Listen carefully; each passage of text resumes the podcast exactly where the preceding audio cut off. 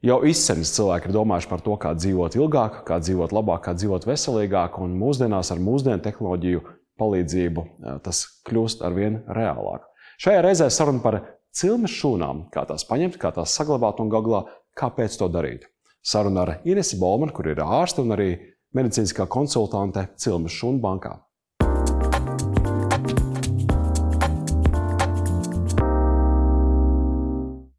Cilmes šūnas droši vien ir dzirdēts termins ļoti daudziem cilvēkiem. Nu, jautājums, cik mēs tā pa īstam saprotam, kas ir cilmes šūnas. Kā varbūt trijos vārdos par to, kas ir cilmes šūnas, kā tās iegūst nu, no pacienta, no cilvēka un kā tās nonāk pēc tam cilmes šūnu bankā. Jā, es vienmēr saku, ka cilmes šūna pēc būtības ir tāds sākums, jo mēs visi veidojamies no vienas šūnas. Jā. Vai no divām? Nu, tā otra nāk klāt. Viņas satiekās. tad, kad viņas satiekās, jā. tad mēs sākam augt un veidoties. Jā, bet sākumā ir tā viena. Protams, viens nav karotājs, un tā otra ir vajadzīga. Ja? Bet tajā visā attīstībā no tā izaug bērniņš. Un, um, arī bērniņa organismā un arī mūsos pašos ir jaunas, eh, snaudošas, neattīstītas šūnas, no kurām var veidoties citas šūnas. Ja? Tad, cilmes šūna ir kaut kāda sākuma šūna, no kuras pie noteiktiem apstākļiem var veidoties kāda cita šūna. Tātad viņas ķermenī ir arī nu, visas dzīves garumā. Sanāk. Viņas ja, ir visas dzīves jā. garumā. Man ir, jums ir. Jā. Visiem mums viņas ir. Labi. Ja mēs runājam par jaundzimušā cilmu šūnu tādā aspektā, kad tā vēl nav ēdusi, dzērusi, šnabi, pīpējusi, antibiotikas ēdusi, viņa ir tāda kā tādā mirklī, kad jaundzimušais nāk pasaulē, kad mēs pārgriežam nabas saiti. No kuras arī iegūst to cilvēku? No kuras tad mēs arī iegūstam? Varbūt par to procesu īsumā var, varētu izstāstīt. Tad, kad bērniņš dzimst, Dzimst, jā. Ārsts vai nezinu, tēvs vai kāds griež to nabas saiti? Tas, jā, nabas saiti drīkst griezt vai nu mamma pati, vai, vai ārsts vai tēvs, un tur nekādu ierobežojumu nav. Tāpat kā ir mīts, kad paņemot cilmes šuns pie dzemdībām, mēs it kā bērnam kaut ko atņemam. Mēs neatņemam, mēs gaidām, kamēr nabas saiti nopulsē, un tas ir dažādu situāciju vadīts, ko izlemj vecmāte. Vecmāte ir tā, kur izlemj, cik ilgi pulsē, cik tad ne. Un kāpēc viņai pulsēt, un kuros gadījumos nedrīkst ilgi pulsēt, un kuros. Bet loģika ir tā, ka mēs neatņemam to, kas ir um, cirkulējošs, kas ir apritē, kas ir mazajam. Un mēs paņemam to, kas paliek pāri pēc tam, kad tā nabas saita ir pārklamēta, ka tas mazais jau ir uzlikts mammai uz krūtīm un kad tas process ir pagājis. Un kad mums ir jāgaida, kamēr piedzimst placenta. Un tad man ir jautājums, vai jūs zināt, kur tā placenta nonāk, tad, kad viņa ir piedzimusi, kur nonāk tā palikusi nabas saita un tā placenta. Droši vien uh, atkritumos ir tāda riska. Tā, viņas jā. ir medicīniskie atkritumi. Jā. Kādu laiku atpakaļ gribēja stādīt zem rožu krūma vai vēl kaut kur, bet tas ir ar likumu no, nolēmts, ka to nedrīkst darīt. Nedrīkst dot līdzi maisiņā kaut kur. Viņa aiziet medicīniskajos atkritumos, un tā ir tā mana sāpe. Neizmet to labo, bet saglabā nākotnē. Nu, skaidrs, tad bebis ir jau, kas saka, mātei uz krūtīm. Un Un tajā brīdī personāls var paņemt no tā bioloģiskā Jā. materiāla pirms izmešanas, jo tāpat jau droši vien izmet, bet nu, kaut kādu daļu paņemt, tad saglabāt šūnu bankai. Jā, jā, ja mums ir, tā, ja mēs par to esam vienojušies, un jā. ja ir tā vēlme, tad mēs paņemam, lai saglabātu cilnu šūnu bankā nākotnē. Kā tas notiek? Ir speciāls tāds komplekts, kurā vecmāte to materiālu paņem, lai viņi varētu transportēt. Kaut kas līdzīgs kā asins donoru centrā, mm. kad uh, ņem uh, Jā. donoram uh, asins. Apmēram tāds pats maisiņš, tāda pati tehnoloģija pēc būtības. Tās paņemtās asinis, tur ir klāts šķīdums jāpievieno, lai nesaredzētu transportēšanas laikā. Ja? Tā ir tā, tā būtība, lai paņemtu tās palikušās nabasaitas asinis. Un, tad, kad asinis ir paņemtas, tik cik viņas ir nabassaitē, cik, cik viņas ir tajā placentā vēl palikušas, tad mēs varam paņemt arī nabasaitas audu. Tādu fragment, nu, tā kā mans liels tāds sprīdis. Ja? Mm. Un, um, tās ir mazliet cita veida cilmes šūnas, tādas universālākas. Un laboratorijā tad viņas tiek izdalītas. No asinīm izdala asins cilmes šūnas, un no audiem izdala audu cilmes šūnas. Tā, tur vēl divi materiāli. Da, dalās, respektīvi, ir dažādi veidi, un pēc tam dažādiem pielietojumiem. Dažādi pielietojumi, šur tur kombinēti, šur tur vienu, šur tur otru, šur tur vienu, lai pastiprinātu ar otru.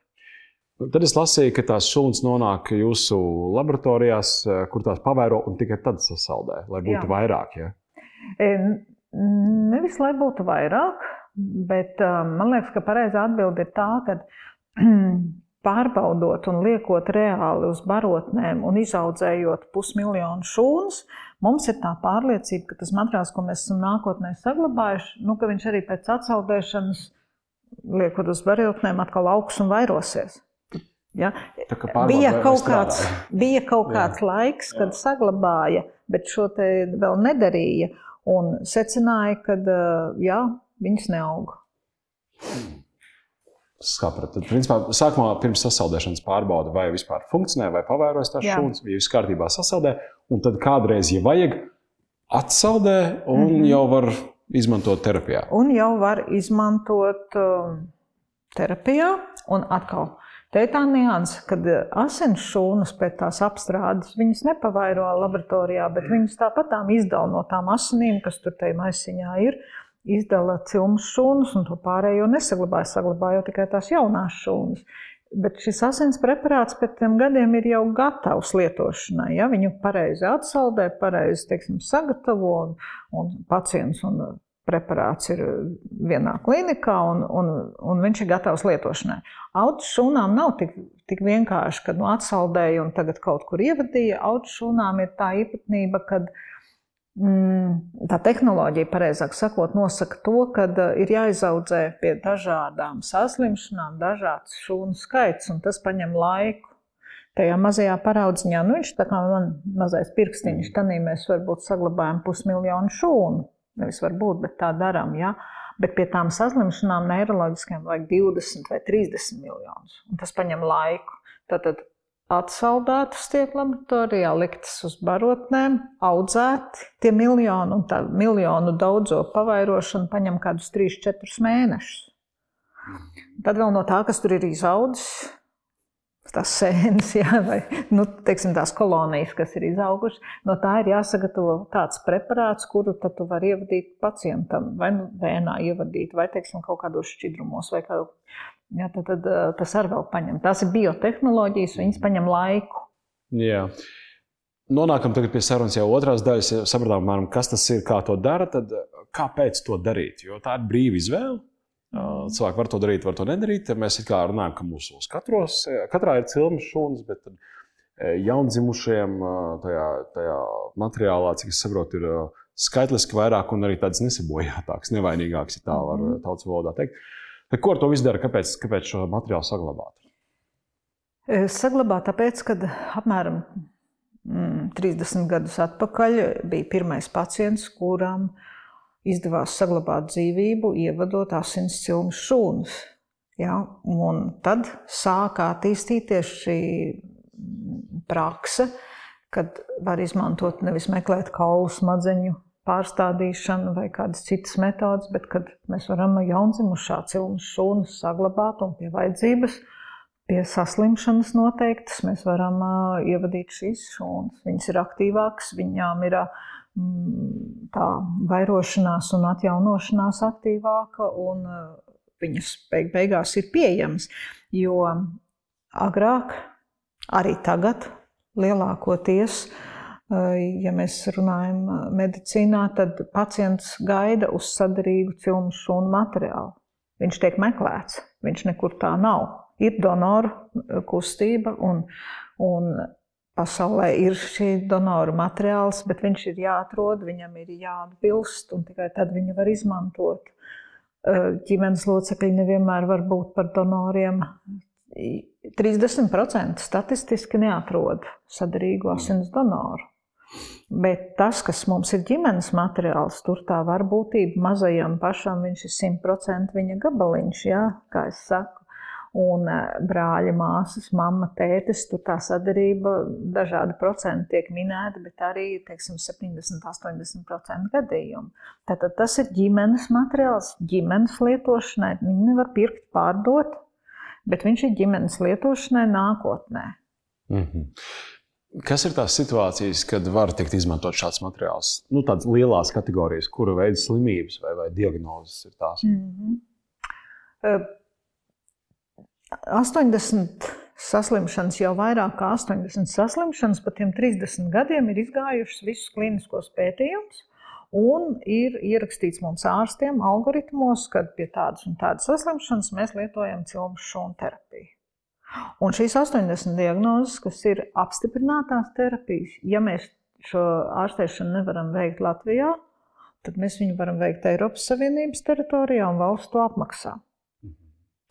Tā ir tā pirmā grupa, tie 30 gadu rezultāts.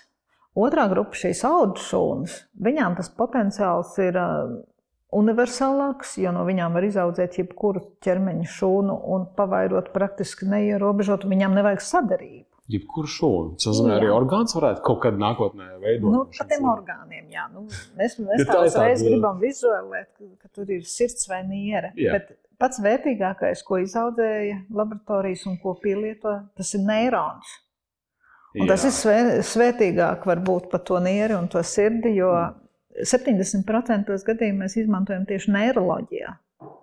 Neiroloģija nozīmē bērnu vecumā iegūtās dzemdību traumas, cerebrālā trieka, autisms, mm. bērnu teiksim, vecumā, pusauģu vecumā. Tie, kas uz galvas grib lekt, varbūt ūdenī, ja, tad teiksim, šie gadījumi, kur ir muguras smadzeņu ievainojums, mm. jā, neiroloģija ir sarežģīta.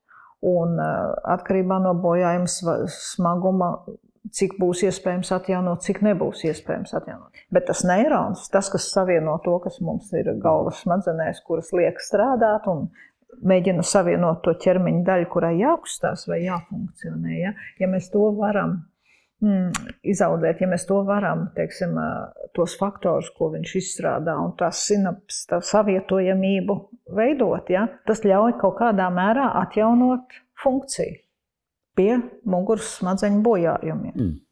Tāds kā būvniecības materiāls, no, nu, ievadot attiecīgā veidā.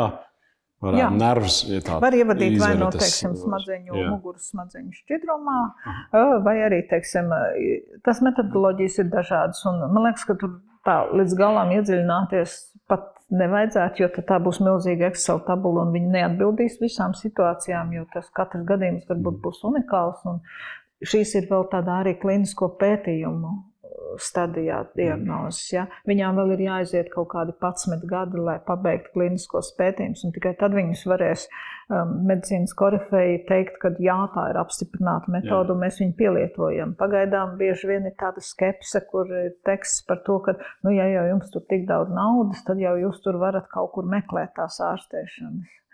Ja, bet, um, kā jau saku, tas vecāks, tie, tā ģimene, kurai ir tas slimais bērns, viņi ir ar mieru to pasauli otrādi apgriezt un atrast to veidu. Ja, un, uh, mēs atkal, varbūt medicīnā saskaroties ikdienā, mēs kļūstam sausi un mm. tādi noraidoši. Pieminēt skepsi, kas vēl ir kaut kādi mīti vai kaut kādi iebildumi tipiskie, ar kuriem jūs saskaraties, um, popularizēt šo te, es to nosaucu par apdrošināšanas polisi. Jā kur tu nopērci un ceri, ka nekad to nevajadzēs izmantot, bet, ja nu tomēr tev tā x stundā ir sagatavots materiāls, kāda vēl ir pretestība un kādas ir jūsu atbildes tajā pretestībai? Ļoti interesanti tā pretestība. Es saprotu, grūtniecis. Viņas grib domāt tikai labas domas un dzīvot labā pasaulē. Un viņām kādreiz ir tāda tieksme, mm, teikt, ar mani tas nekas nenotiks. Ja viņām ir blakus spēcīgi vīrieši, ar vīriešiem ir tā saruna konstruktīvāka. Viņš ātri to informāciju izlaiž caur smadzenēm, saprot riskus, saprot iegūmus. Un, kā jūs pareizi teicāt, vislabāk būtu, ja nebūtu jāizmanto. Nu jā, nu tas ir. Pie kā mēs apdrošinām mājas, mašīnas, paši sevi, kāpēc gan vēl viena lieta nepievienot. Okay, tad, tad varētu būt tā, kaut kāda tāda rozā brīļu efekts, ja, ka, jā, kas vairāk, nu, kā mēs sadalījām dzimumiem, bet vairāk raksturīgs sievietēm, kas gaidībās. Ja. Kas vēl ir kaut kāds, ir kaut kāda varbūt arī ētiski apsvērums. Baznīca tur nekliedz jums virsū, ka jūs kaut ko ķecerīgi darat. Baznīca noteikti kliedz. Es esmu bijusi vienā tādā arī sarunu šovā, un kur bija speciāli uzaicināts kāds no, nu, bija doma no baznīcas, no tās baznīcas īsti tas cilvēks neatnāca, un mums bija diskusija ar, ar citas sfēras pārstāvu, kurš patiešām to noliedz. Un es, bet baznīca mm, no vienas puses, pat kā es to redzu, tas tur augšā, kas visu regulē, ja viņš mūs visus tādus ir radījis, tā skaitā medicīnu, tad viņš arī rūpējas par to, lai tā medicīna tomēr attīstītos ja, un uh, dod to atļauju šīs metodas pie, pielietot. Tas, ka kaut kur baznīcā tiek pie, ir dažādas novirzieni, kur kaut ko aizliedz, tā jau ir tā mūsu cilvēka saprāšana. Tur, tur arī citos jautājumos nav vērts runāt. Bieži vien dzīvību nav iespējams glābt, jo baznīca paģēra to, ka viņam ir jāiet bojā. Ja. Tā, tā nebūs tā grupa. Bet, um, Manā saprāšanā tas galvenais ir izglītība. Tas izglītības eh, tas pamats ir vajadzīgs, jo tie termini ir sarežģīti un grūti viņos ir iedziļināties. Un eh, pie trešā teikuma jau, jau to apjūts un, un, un nezinu vairs pat īsti, ko pajautāt. Un tāpēc tā izglītība un tāpēc vajag nākt jautāt. Nu, arī ko mēs darām šodien, lai ierakstā, lai, lai saprastu un dotu, dotu ziņu sabiedrībai par šīm iespējām. Kāds, kas šo visu skatās, domā, nu jā, bet cik tas maksā? Vai tas nav tā, ka tas ir tikai ļoti turīgiem cilvēkiem, jo tur ir tāds process, tur ir ārsti, sasaldēšana, šūnu pavairošana kaut kur ārzemēs. Aptuveni kategorijās, ar ko ir jārēķinās ģimenei, kas izlemj mazuļu dzimšanas brīdī saglabāt šo jā. materiālu. Jā, tas, tas, protams, nav par velti. Katrs var domāt, dārgi, lēti, maz vai daudz, un kā mēs tērējam naudu. Nu, es, īsumā tie ir apmēram 3000 eiro par tādu paņemšanu, apstrādi un tiksim, 25 gadu glabāšanu. Tas 5 gadu cikls, nu, 3000, jā. tas droši vien vairāk ir sākumā jāsamaksā, mm. tad tas glabājas. Jā, okay. okay. Nu, lai saprastu, tā naudas plūsmu. Tas slimnīcas jā. darbs un tas vecmātes darbs mm. un tā kaste, kurā tas kits, kurā mēs paņemam, tas ir 300, kaut kur 5 eiro no tā visa. Uh, ap tūkstoti maksājums, tūkstots un maz bišķīt ir maksājums par to, kas ir laboratorijā jāizdara, lai viņš materiāls būtu nu, saglabājams uz neierobežotu laiku. Tas, mm. tas ir tas lielākais, varbūt tāds uh, maksājums, pie kā viņš neparādās pirms līguma noslēgšanas, bet jau kādi trīs mēneši pēc piedzimšanas mazulīša. Un tas glabāšanas apjoms, es šeit ieliku tādu 25 gadu tādu periodu, tāpēc, ka tad ir vieglāk varbūt salīdzināt ar to, kas nu, mēs gribam salīdzināt cenas. Ja? Un tad tas ir tas. Var jau maksāt katru gadu, var maksāt katrus piecus gadus vai desmit. Tas, tas viss ir elastīgi. Jā, nu, apmēram skaidrs. Skatoties uz Latvijas vidējo algu, tas nav lēti. Bet tāpat laikā tas nav nu, tikai bagātniekiem vai cilvēkiem, kas ir ar izteikti augstu turības līmeni. Tas ir šķietam nu, tādai viduslāngai noteikti sasniedzams cipars, bet nu, tāpat laikā skaidrs, ka mazuļu gaidīšanas un dzimšanas tur ir virkni visādu izdevumu, kas jāsagādā lietas, un tas nav tā gluži tāda sīknauda, tā kā tas ir droši vien jāieplāno. Bet, cik es saprotu, tie ieguvumi potenciāli ir nu, atsver to uh, ieguldījumu sākotnēji. Cevišķi es gribu pieskarties vēl mazliet estētiskajai medicīnai, jo es pareizi saprotu, ka situācijā, ja viss ir labi, un lielākajā daļā, tur 99% vai pat vairāk, arī ir viss labi, mm. un viņiem šo materiālu varbūt pat nevajag primārai dzīvības vai veselības saglabāšanai. Kas ar to estētisko? Mēs varam paņemt to cilšu un, un krunks samazināt vēl kaut ko. Kā, kā tas notiek? Tā jau arī tas, tas būtu lietojams. Estētikā es vienmēr saku tā, ka ņemot vērā, ka tās audu šūnas ir piecas tādas mazas kasetītes, mazas konteinerīšas. Tad, nu, ja tu nodzīvo, teiksim, bērniņš nodzīvo visu savu mūžu, un viņam nav, nav bijis vajadzīgs, tad kaut vai tādā no gadiem 60. krunkas var izlīdzināt, un tas tādu smaidu pavelk. Bet, protams, tas, ko estētiskajā medicīnā jau pašlaik mm, lieto, mēģina lietot ar dažādiem sagatavotiem varbūt, produktiem, un kur ir kaut kāds cilmes šūnu pieskāriens, jā, gan tā pati plikpaurības ārstēšana, gan, teiksim, nu, grumbām sievietes tur ir izdomājušas visādus ķīmiskus vielas, ko var ievadīt un ņemās droši vien pa daudz. Bet šeit ir arī varbūt Es to uztveru tādu vairāk kā tādu medicīnisku, varbūt pieskārienu. Iedomājieties tās lielās apgabala rētas, kuras mēs arī varam iegūt. Ja? Un, es kā ķirurgs ļoti labi atceros, kā es kādreiz ņēma pacientam no augšas stilbā ādu, mm. pārstādīja, kā mēs mocījāmies, lai viņi piedzīst, kā viņš viņu, viņš nevar nogulēt trīs nedēļas tur nekustīgi un cik tas viss ir sāpīgi un tā tālāk. Šeit uz šo šūnu bāzes, piemēram, būtu iespējams, un to arī dara dažādos, bet arī vēl, teiksim, tādā pētniecības un tādā mm, noteiktas klīnikas mm, izgatavot tādus plāksters ar cilmes šūnām, kuras tur ir virsū. Un tad, teiksim, ir tā doma, ka mēs rētaudus varam nu, praktiski samazināt līdz minimumam. Rētauda nav tikai kosmētiska vai estētiska problēma. Rētauda ir funkcionāla lieta, kas traucē ierobežo kustības. Ja teiksim, bērniņš ir pielicis eh, pie gludekļa roku, jā, tad tās rētas tad ar laiku savelk pirkstiņus un uh, ir jādabū viņas vaļā kaut kādā veidā. Tur ir milzīgs potenciāls iekšā. Tā kā estētika. It kā jā, bet tas nav nu, tas, par, ar ko vajadzētu kā, kādēļ to ziņā, darīt. Tādēļ, tādēļ par to nevajadzētu varbūt uh, aci mest uz šo pakalpojumu vai šo servisu vai sauc kā grib. Pirmkārt, es tomēr domāju par tām saslimšanām, kuras ir um, neparedzamas, kuras parādās dzīves laikā un kur mēs kožam pirkstos, ja būtu, tad varēja mēģināt to autoimūnās saslimšanas piemēram, ja, ar katru paudzi autoimūnie procesi attīstās un izpaužās ar vien krāsaināk. Saslimšanas, kas parādās 25, 30, 35, 45 gadu vecumā. Un tā ideja ir tā, ka teiksim, manas šūnas vairs nemāku uzvesties. Viņas pie tā, lai cīnītos ar sliktajiem, sagrauž mani pašu. Ja, un ir vesela grupa šo saslimšanu, un, un pie šīm ļoti labs rezultāts ir ar audu šūnām, ar mezenhimālajām šūnām. Tad, kad iziesim varbūt tos pētījumus līdz galam un varēsim ierakstīt, ka tik un tik šūnu ievadīšana dod tādu un tādu rezultātu, un tas maksā tik un tik, tad mēs varēsim runāt par to, ka arī varbūt apdrošināšana un, un veselības aprūpas budžets to apmaksā. Pagaidām tas ir tādā mazliet ar tādu nākotnes pieskaņu minēja to piemēru par vecumu grupu 35, 40, tad jau 25 gadu sasaldēšanas periods ir beidzies. Ja mēs turpinām ja turēt viņu beztermiņā, līgums tiek slēgts bez termiņa. Kaut kādus gadus atpakaļ bija visā pasaulē jautājums, cik ilgi tās šūnas ir derīgas.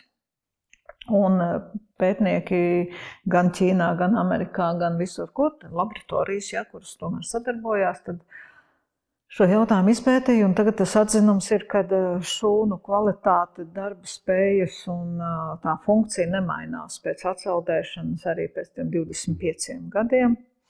Tad teorētiski var nu, bezmaz mūžīgi, ja pareizi nu, apstāties uztur. Jā. Nav tāda precedenta, ka mēs būtu, nu, kāds būtu mantojis Bet mēs šogad, pēdējos pāris gadus, jau es runāju par tādu ģimenes modeli, kad šuns ir derīgs visai ģimenei, ģimenes materiāls. Un es stāstu jau tādā aspektā, ka tam bērnam, kam mēs paņemam, un viņa bērniem, mhm. tad mēs jau to paredzam. Jā, mēs agrāk par to tā nerunājām. Kā juridiski sanāk, kam pieder tas viss? Nu, tad, tad mēs paņemam, bērns, teiksim, sasniedzot jaunieci 18 gadu, tas pāriet viņa īpašumā? Vai Jā, tas paliek vecākam? Pirmais īpašumā? un tas galvenais īpašnieks jau ir viņš.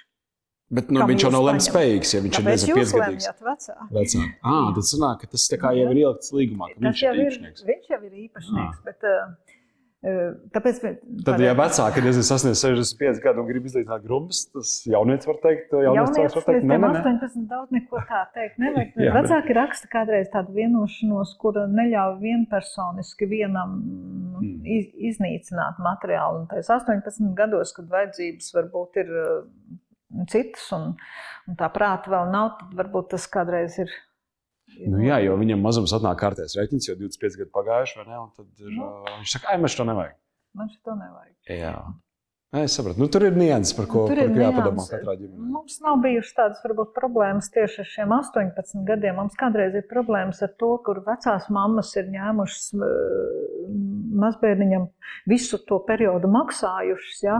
Un tad jaunieši, pieņemsim, vecāki, respektīvi, izšķirās, pazūd katrs kurā.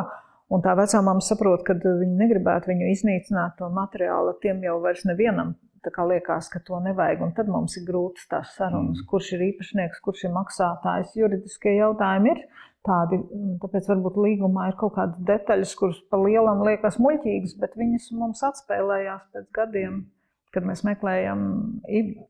Jo tā nianse. Mm, vecāki ģimene līgumu slēdzot, noteikti ir vairāk aizsargāti juridiskā ziņā nekā varbūt mēs, jo mums ir dažādas regulas. Mēs nevaram izmest uh, šo bioloģisko materiālu, iznīcināt nevaram vai atdot zinātnē, kamēr mums nav jūsu piekrišana, vecāku piekrišana, īpašnieku piekrišana. Un tādā ziņā kādreiz vecāki uztraucās, nu, man tur jāmaksā kārtējais rēķins, nezinu, vai tas materiāls tur vispār vēl glabājās. Ja? Un tad ir gluži otrādi. Kamēr mums nav tas iesniegums, kad lūdzu iznīcināt, mēs viņu glabājam, lai arī par viņu varbūt nav maksāts gadiem. Noslēdzot sarunu, ja mēs nu, varam vispār prognozēt nākotni, uz ko iet vispār uh, modernā medicīna? Vai, tas, vai šīs cilmes šūnas varētu būt arī par tādu mūžīgās dzīves eliksīru kaut kādā brīdī tapt? Par ja to... jau no tām var uztaisīt jebko, tur nervus, sirdis un tā. Kur ir ierobežojums tai mūžīgai dzīvei? Tas, kad um, šūnā tās chromosomas, viņas tomēr daloties, viņas ar laiku saīsinās un kaut kad viņas paliek eh, pa īsu, lai dzīvotu. Mūžīgi mēs nevaram dzīvot. Mēs varam atjaunot kaut ko un mēs uh, ejam uz to, bet man liekas, ka tā medicīnai tā virzība un uz nākotni ir ar to, ka medicīna kļūst aizvien personalizētāka. Ir tāds jēdziens, personalizēta medicīna, kad izmantojot audus vai šūnas um, fragmentus par izēju materiālu, mēs radām konkrētajam pacientam produktu, kas viņa organismā darbosies un tikai viņa organismā darbosies. Un, ja mēs kļūstam aizvien alerģiskākiem, šīs autoimūnās uh, problēmas ar vien sāsinās un iet teiksim, attīstās, tad tā nākotnes medicīna droši vien arī uz to iet, kad Nebūs visiem viens un aspirīns, bet būs diezgan jāpiedomā ārstēšana individuāli katram pacientam. Sarežģītos gadījumos, nu, ja mēs runājam par tādām vienkāršām lietām, nē, bet, bet kļūst aizvien sarežģītāka medicīna. Lielas paldies par sarunu. Paldies arī mūsu skatītājiem. Jūsu ziņā paliek izvēles iespēja vai šeit ir potenciāli X stundē šo apdrošināšanas polisi sagādāt. Informācija jums ir, papildus informācija Cilmu šūnu banka. Cilmu šūnu banka, nabas saita.lv. Mhm. Droši rakstiet, jautājiet, zvaniet, meklējiet un labprāt runāšu. Mhm. Super, paldies, Lās. Paldies.